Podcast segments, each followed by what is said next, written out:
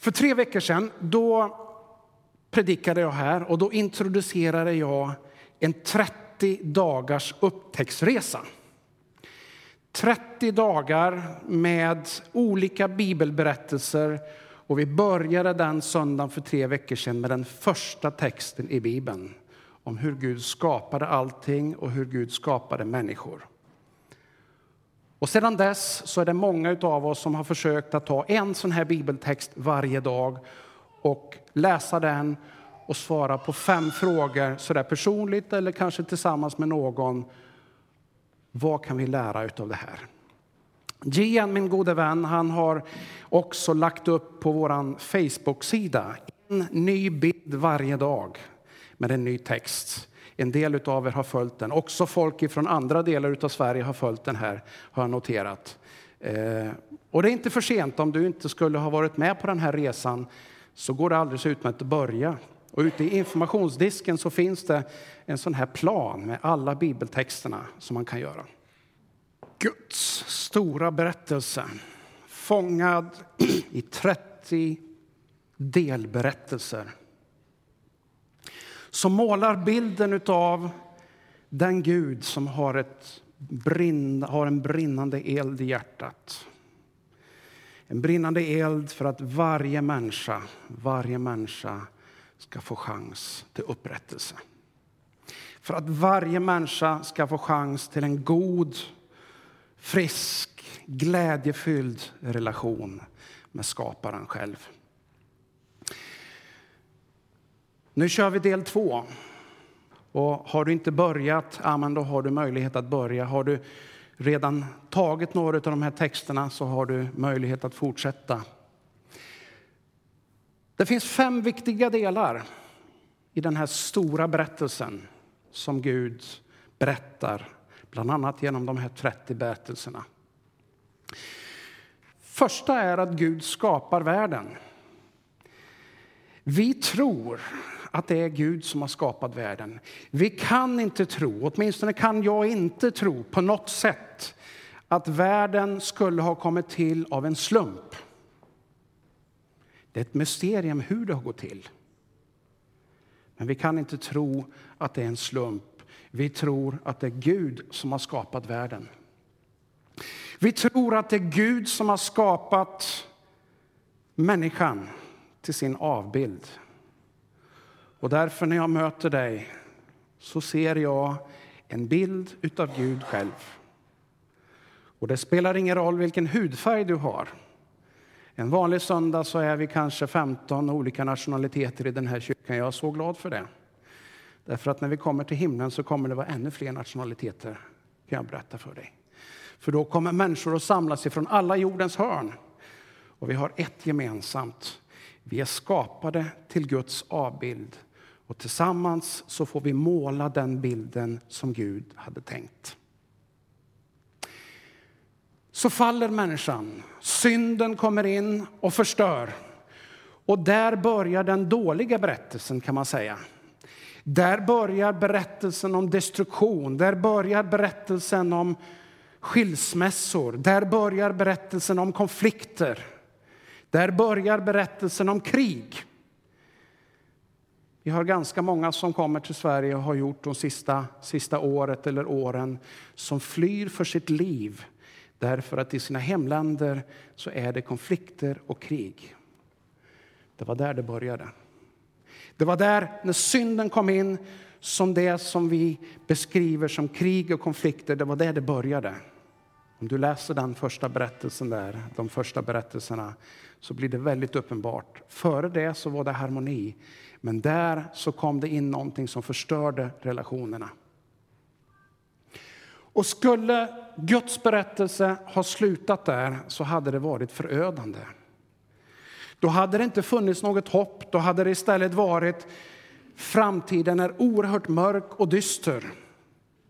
Precis som en del människor kan uppleva det också idag. Men de goda nyheterna är att det slutar inte där. Om ni noterade när vi tittar på den här filmen, den största delen av filmen, de här största, de flesta berättelserna, de handlar faktiskt om Guds befrielse och upprättelseplan. Såg ni rubriken befrielse? Den var där på de absolut flesta texterna. Det är det som Gud ägnar allra mest tid åt. Att upprätta, att befria människor och vill erbjuda det till så många som möjligt. Och hans väg, ja, det är genom Jesus Kristus. Gud beskriver Jesus som en del i gudomen. Och för att få en någorlunda begriplig bild så används Gud Fadern och Gud Sonen som står varandra oerhört nära och har mycket gemenskap och så Gud Anden. Men egentligen så är det Gud som syns eller visar sig, uppenbarar sig på olika sätt. Och Jesus kommer för att frälsa världen, för att göra det möjligt att vända på den där dåliga trenden, den där negativa, onda berättelsen och göra den till en fantastisk, fin berättelse.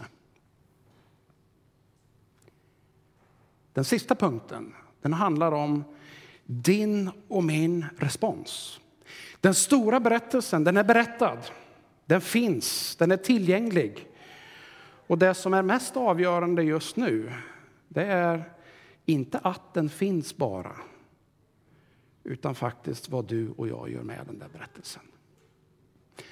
Och resten av de här minuterna som jag ska tala här lite grann, den här gudstjänsten, så tänkte jag ägna tiden åt just den sista punkten där. Din och min respons på den stora berättelsen.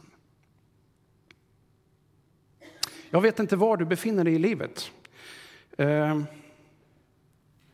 en del har varit troende länge. En del är ännu inte troende på Jesus som sin personliga frälsare. Det som är grunden, det som är centrum för att vara kristen. Att vara den som följer Jesus. Men oavsett var du befinner dig så finns det ett budskap för dig här. Det finns en utmaning för dig. Det är upp till dig vad du väljer att göra med den utmaningen.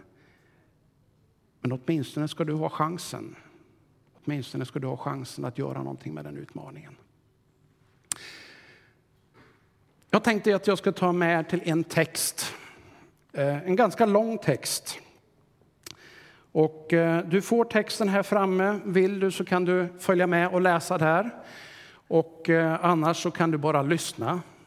Sluta dina ögon och så kan du lyssna på den här texten. Sammanhanget, det är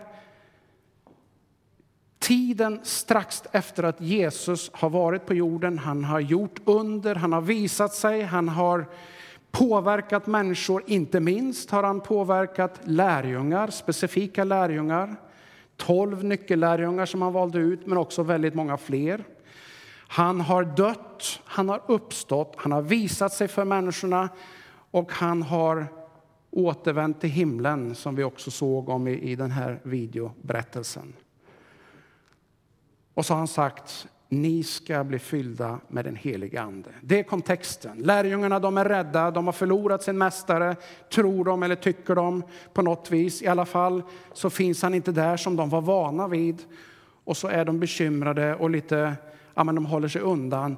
Men de längtar ändå efter någonting av det som han har lovat dem. Och så är de i bön och så ber de. Så händer det den här dagen att märkliga saker händer. Det är folk från alla möjliga länder samlade där. Berättelsen innan, du kan läsa den hemma, hela Apostlagärningarna 2. Berättelsen innan är att det är människor från olika jordens hörn som är samlade vid ett och samma tillfälle i Jerusalem. Och någonting händer där som gör att människor som inte kan deras språk börjar prata deras språk. Och de pratar inte bara vad som helst, utan de pratar om Guds stora gärningar. Guds stora berättelse. Det är det de pratar om. Och så blir de alldeles förvånade och de vet inte, vad ska vi tro? Vad är det här för någonting? Det är något märkligt som händer, något som inte vi är vana vid. Dessutom i ett helt mångkulturellt sammanhang. Och då kliver Petrus fram. Petrus som Jesus har beskrivit som klippan. På dig ska jag bygga min församling. Då kliver Petrus fram och så säger han så här.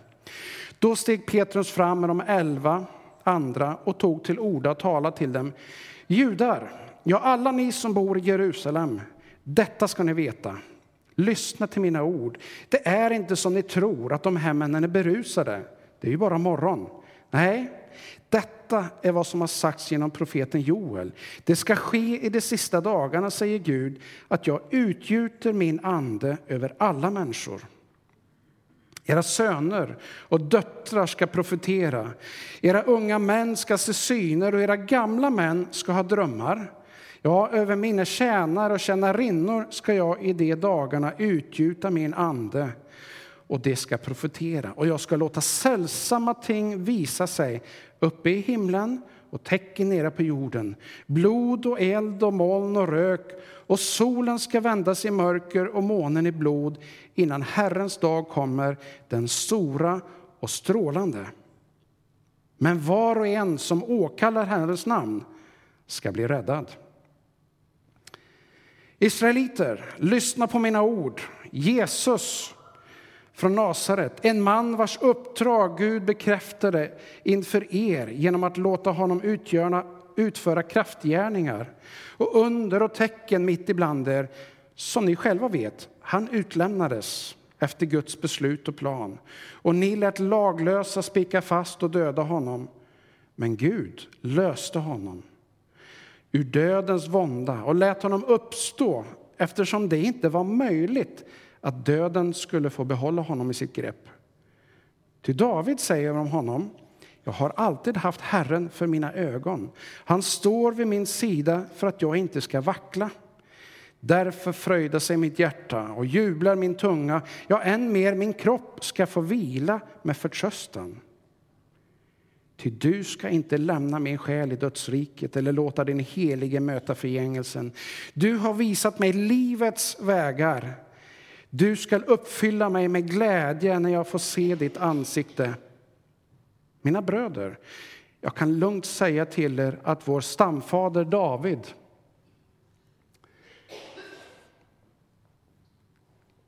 Förlåt, missar vi? Eh, mina bröder, jag kan lugnt säga till er att vår stamfader David är död och begraven och hans grav finns här idag. Men han var ju en profet och visste att Gud med ed hade lovat honom att sätta en ättling till honom på hans tron. Därför var det Messias uppståndelse han förutsade med orden han lämnades inte i dödsriket och hans kropp mötte inte fängelsen. Denne, nämligen Jesus, har Gud låtit uppstå och vi alla kan vittna om det. Och Gud har upphöjt, upphöjt honom med sin högra hand sedan han enligt löftet har tagit emot den helige anden av Fadern har han nu utgjutit den så som ni hör och ser. David har inte själv stigit upp till himlen, men han säger Herren sade till min herre, sätt dig på min högra sida så ska jag lägga dina fiender som en fall, pall på dina fötter. Hela Israels folk ska alltså vara fast förvissat om att Gud har gjort honom till Herre och Messias, denne Jesus som ni har korsfäst. Orden träffade dem i hjärtat och de frågade Petrus och de andra apostlarna, bröder, vad ska vi göra? Och Petrus svarade, omvänd er och låt er alla döpas i Jesu Kristi namn så får ni förlåtelse för era synder. Då får ni den heliga anden som gåva. Ty löftet gäller för er och era barn och alla dem långt där borta som Herren vår Gud vill kalla. Petrus vädjade till dem med många andra ord och han uppmuntrar dem, se till att ni blir räddade undan detta onda släkte. Och det som tog emot tog till sig hans ord lät döpa sig och den dagen ökades det troendes antal med inemot 3000. Och det deltog troget i apostlarnas undervisning och den inbördes hjälpen i brödbrytandet och bönerna.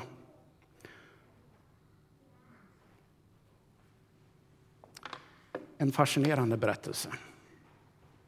En berättelse som liksom tar vid och fångar och knyter an till den här stora berättelsen Petrus kliver fram och så försöker han och på något vis förklara. Ja, men det här är ju det som Gud har sagt. Han har använt profeter, han har använt människor för att förutsäga vad som kommer att hända. Och nu har det hänt. Nu är det här.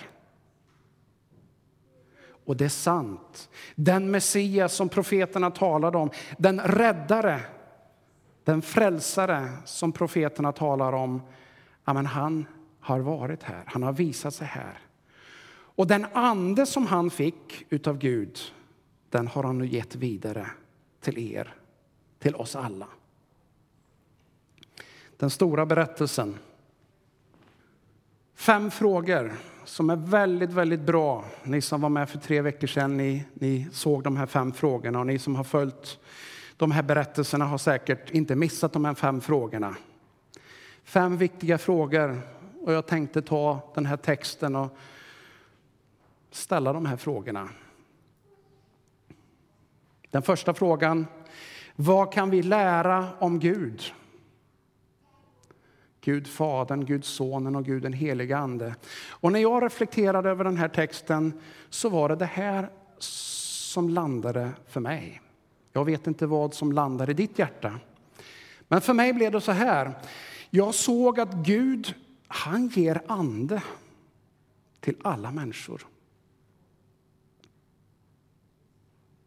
När Gud skapade människan så blåste han ande, han blåste liv in i människan.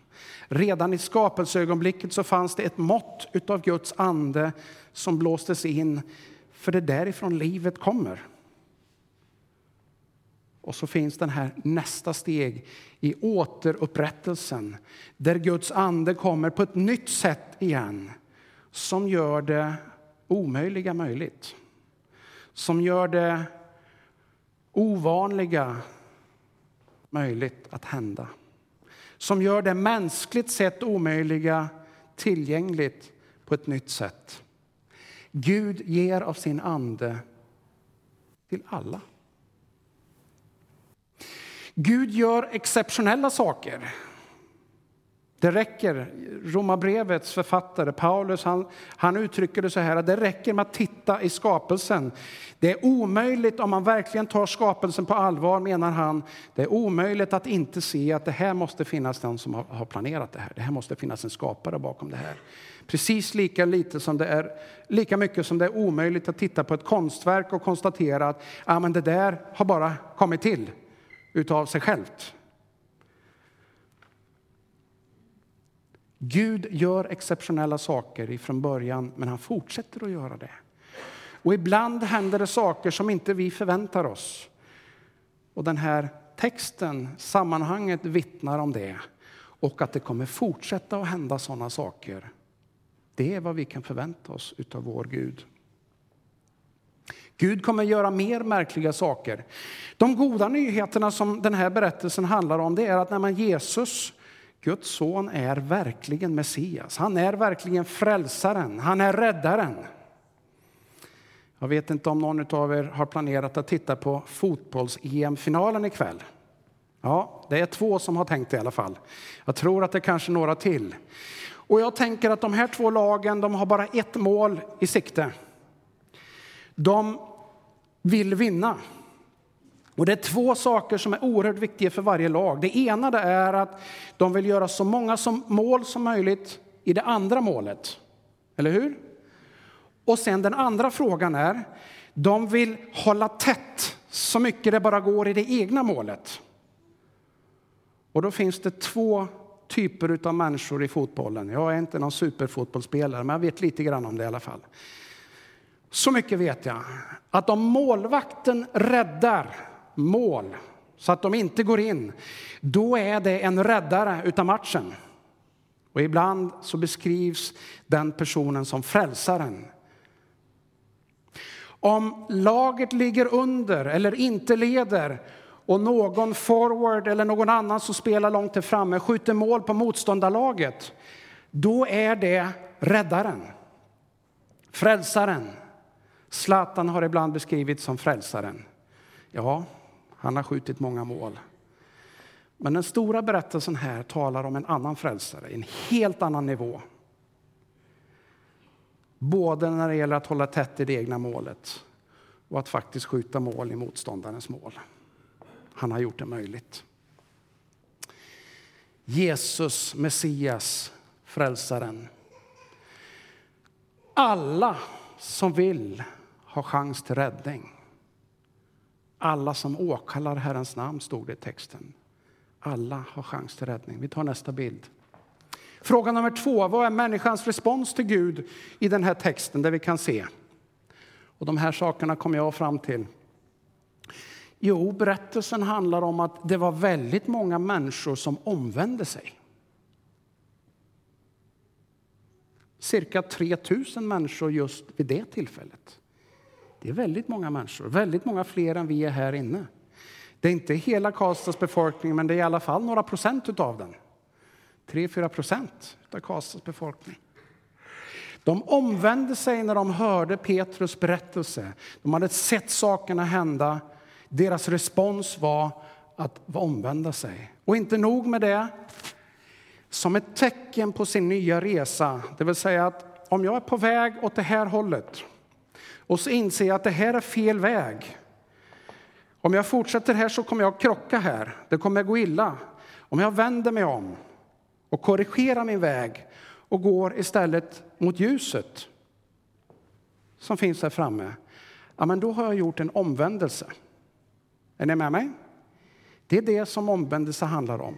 Att vända bort ifrån någonting som leder fel och vända sig till något som leder rätt. När man kommer till insikt om det är någonting som behöver göras, något som behöver annorlunda, då vänder man om. Då har man omvänt sig, så börjar man ta nya steg på den vägen. De omvände sig och som ett steg efter det så lät de döpa sig. Dopet hade en viktig innebörd utav den här och de tog Petrus på orden direkt. Deras respons var okej. Okay. Behöver vi bli döpta? Är det ett viktigt steg för att visa att jag vill följa Jesus? Ja, men då gör jag det. Då tar jag det steget därför att jag inser att det här är den vägen som är framför mig. Det tredje området som jag såg, vi kan ligga kvar med förra bilden. Det tredje området som jag såg här, det är att när de hade gjort det, ja, då hängde de kvar i gemenskapen. Då var de med i undervisningen. När man samlades, som vi gör här idag, eller när man samlades där man samlades i hemmen eller någon annanstans, där var de kvar. Där hängde de med, lyssnade, studerade. De var med i den inbördes hjälpen, det vill säga att både ge, ibland också få hjälp. I en församling i Guds rike så är det så här att vi är i olika livssituationer. Ibland har vi möjligheten att hjälpa andra människor och då gör vi det. Det kan vara med ett handtag. Ibland kan det vara med något annat. Ibland så kan det vara med något ekonomiskt. Ibland kan det vara med något lyssnande öra. När den som behöver hjälp behöver hjälp, ja, då finns det andra som kan hjälpa till. Och ibland så hamnar du och jag där också, att vi behöver hjälp. Och då finns det någon eller några som kan vara med och hjälpa till. Det var de del av, enligt berättelsen. De fortsatte att vara med i bönerna, de bad. När man bad tillsammans eller när man bad i hemlen, det var viktigt i deras steg efter omvändelsen. Det var inte nog med att bara komma hit och inse att det räcker inte. Det är inte okej okay att gå åt det hållet, jag måste omvända mig. De började ta steg och så fortsatte de att vara med och ta steg genom de här olika sakerna. Undervisningen, hjälpen till varandra, gemenskapen, bönerna och så brödsbrytelsen, eller det som vi kallar för nattvardsfirande som vi i vår kyrka gör varje månad. I en del kyrkor varje söndag. Det var de, det berättar den här texten att de gjorde. Är det här relevant för oss? Tredje frågan.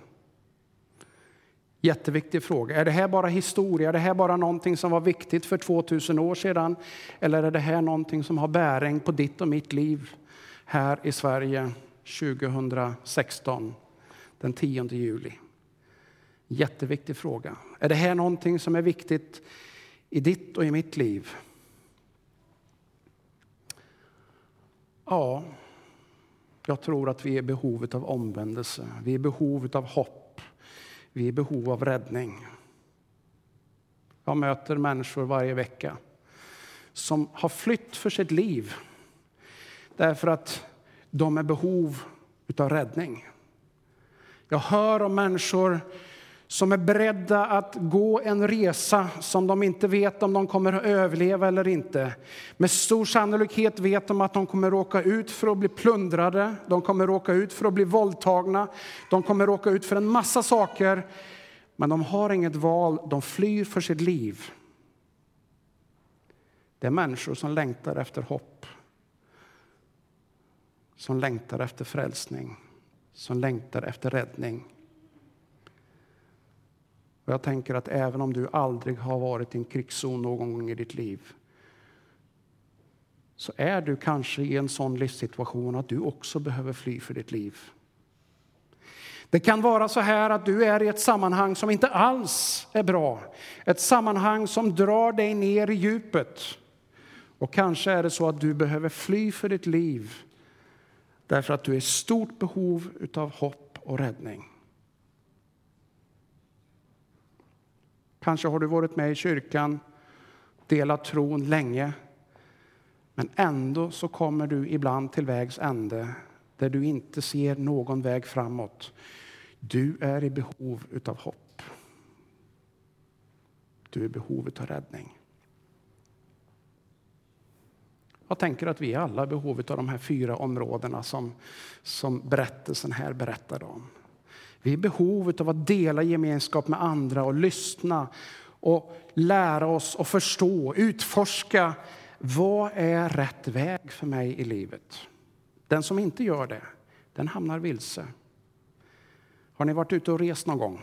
Sommartiden är restid då vi ibland utforskar nya saker. Och då finns det två sätt man kan göra, eller tre kanske. Man kan fråga någon om vägen, man kan titta på en karta eller så kan man numera ta hjälp av en GPS.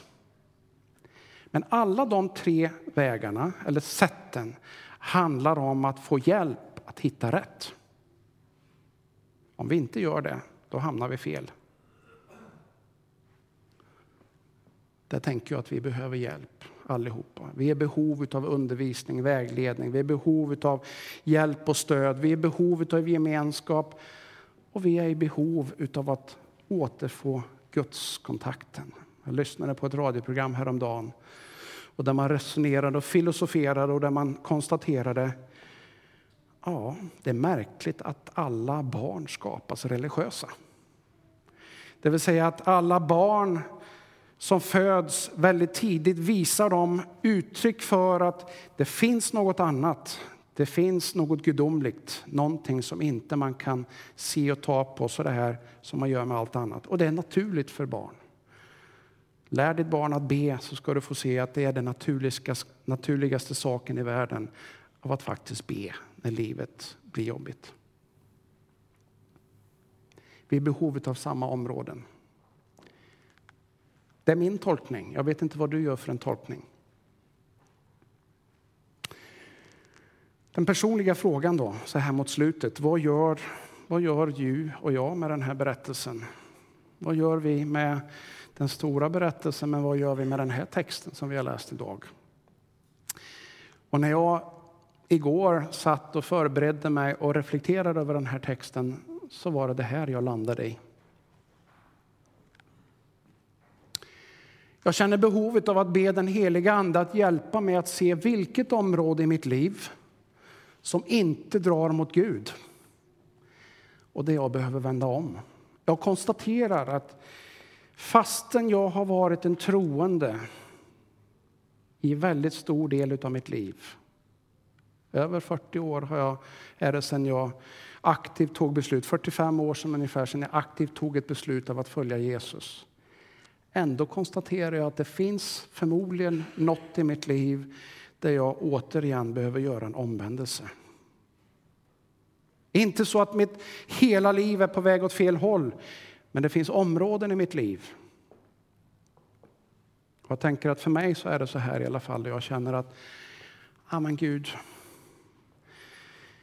hjälp mig med din heliga Ande att se vart jag behöver vända om. Paulus, är en av de viktiga författarna och apostlarna i Bibeln, säger gång på gång jag vill lära känna Jesus. Han säger det när han är i slutet av sin livsperiod. Jag vill lära känna Jesus. Jag vill liksom få fatt på något nytt och jag känner samma längtan. Jag behöver få fatt på mer och i och med det så finns det också saker och ting som jag behöver lämna. Därför att de leder inte mot Gud. Så mitt mål är att de här närmsta 24 timmarna så ska jag be den heliga Ande, jag har redan börjat kan jag säga. Gud visa mig med din heliga Ande vart jag behöver vända om. Och Gud hjälp mig att ta de stegen, få det modet att börja ta steg i den riktning. Jag vet inte vart du finns i livet och vad du har för utmaning som du får ifrån den här texten. Men jag lämnar det till dig. Det här var det jag kände. Du kanske har en annorlunda livssituation och din utmaning blir annan.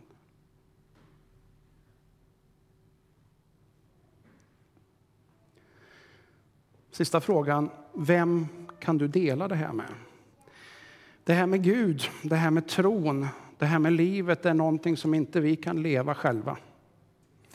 Det värsta straff man kan ge en person överhuvudtaget det är inte att piska eller slå eller på andra sätt skada personen. Det värsta straff man kan ge en person överhuvudtaget det är att isolera den. Att isolera den ifrån all kontakt med omvärlden. Att vara helt själv.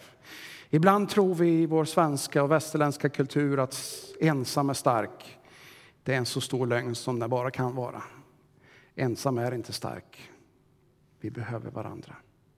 Och därför är det så oerhört viktigt att dela. Det som är viktigt för dig, det ska du dela med någon. Och frågan är, vem kan du dela det här med? Och när jag tänker kring det, mitt beslut så känner jag som så här, att den närmaste personen som jag tänker dela det här med, det Gud talar till mig om, det är min fru. Därför att för henne så kan jag inte dölja någonting. Vi har levt tillsammans i 30 år. I glädje, också när det har varit jobbigt. Det är klart att jag ska dela det med henne. Jag tror att hon kommer vara med och hjälpa mig. Jag vet inte vem du kan dela med. Kanske har du någon vän som du ska dela med. Kanske har du någon kompis, någon släkting eller någon du har förtroende som du ska dela med. Har du, kanske har du någon som ännu inte känner Jesus som du ska dela med. Därför att det här är så viktigt för den också att höra. Fem frågor. De här kan ni ta med er på en hand. Ställ dem till bibeltexten, den vi läste idag. Ställ dem till bibeltexterna i den här 30 dagars resan. Ställ dem till vilken bibeltext du än läser. Så ska du se att bibelordet, Guds berättelser, kommer att bli levande och bli väldigt relevanta och konkreta för dig in i ditt liv. Den här upptäcktsresan började för många för tre veckor sedan. Har du inte tagit den så har du möjlighet att göra den. Har du tagit steg så kan du gärna fortsätta på den. Med dig själv i din egen andakt, över en kopp kaffe med dina vänner. Kanske med någon på telefon. Och det jag tänker avsluta med nu det är den här frågan. Vilken respons ger du till Guds stora berättelse?